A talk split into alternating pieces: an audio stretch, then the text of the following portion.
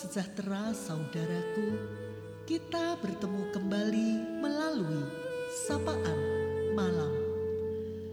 Ada berkat Tuhan untuk kita, firman Tuhan yang akan memberi ketenangan. Saudara, makin kita mau belajar untuk mensyukuri, akan makin banyak berkat yang datang untuk disyukuri. Malam ini, firman Tuhan 2 Korintus 12 ayat 8 dan 9a hendak menyapa kita. Tentang hal itu, aku sudah tiga kali berseru kepada Tuhan supaya utusan iblis itu mundur daripadaku. Tetapi jawab Tuhan kepadaku, cukuplah kasih karuniaku bagimu, sebab justru dalam kelemahanlah kuasaku menjadi sempurna. Saudara, kita sering mengalami saat apa yang kita harap tidak terjadi. Namun, apakah itu sama artinya dengan Tuhan tidak mengasihi kita? Tuhan pasti tidak pernah berubah kasihnya pada kita. Lalu apa yang jadi tujuan Tuhan bagi kita? Rasul Paulus pernah mengalami kelemahan fisik. Ada sakit penyakit yang ia sebut sebagai duri dalam daging. Penyakit itu menancap di tubuhnya. Setiap saat terasa mengganggu. Paulus berdoa namun tidak memperoleh kesembuhan. Lalu ia berdoa untuk yang kedua kalinya dan hasilnya sama. Demikian juga dengan ketiga ia juga tidak mendapatkan apa yang dimintanya. Padahal di banyak perkara besar ia senantiasa mendapat pertolongan Tuhan. Dia pernah dipenjara, didera, kerap mengalami bahaya maut, lima kali disesah, tiga kali mengalami karang kapal. Pernah ditindas, tetapi ia tidak terjepit. Ia juga pernah habis akal tetapi tidak putus asa, dihempaskan tetapi tidak binasa. Mengapa untuk sakit di tubuhnya ini ia tidak diperkenan untuk sembuh? Apa yang sesungguhnya terjadi? Apa yang disampaikan oleh Rasul Paulus, dia mau menceritakan bahwa Rasul Paulus menerima berkat dari kelemahannya. Demikianlah pula cara Tuhan menganugerahi kita.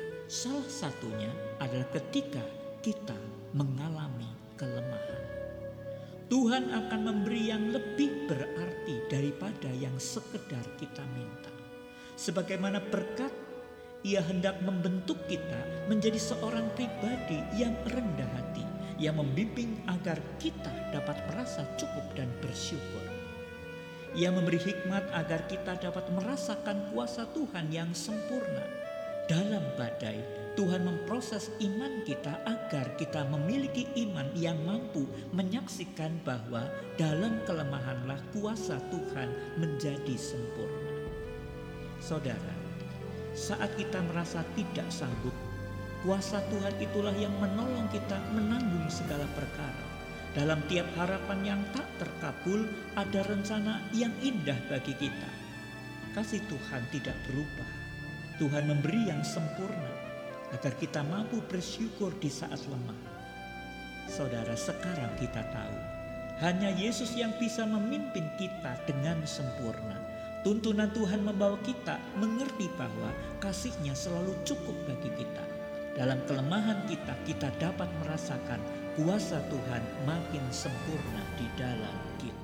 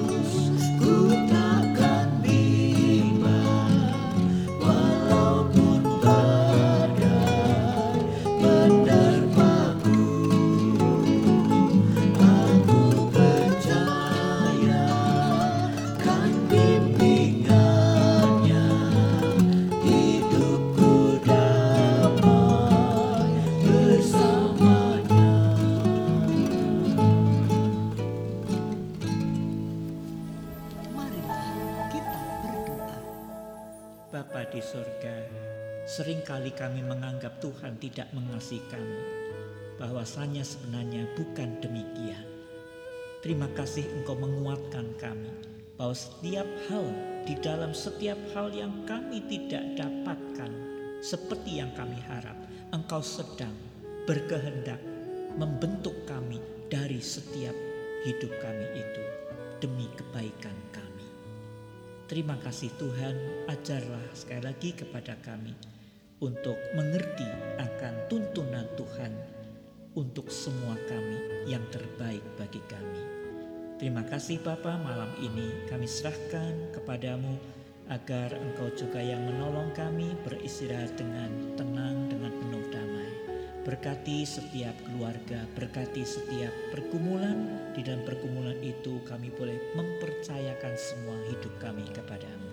Di dalam nama Tuhan Yesus Kristus kami berdoa. Amin. Selamat malam saudaraku.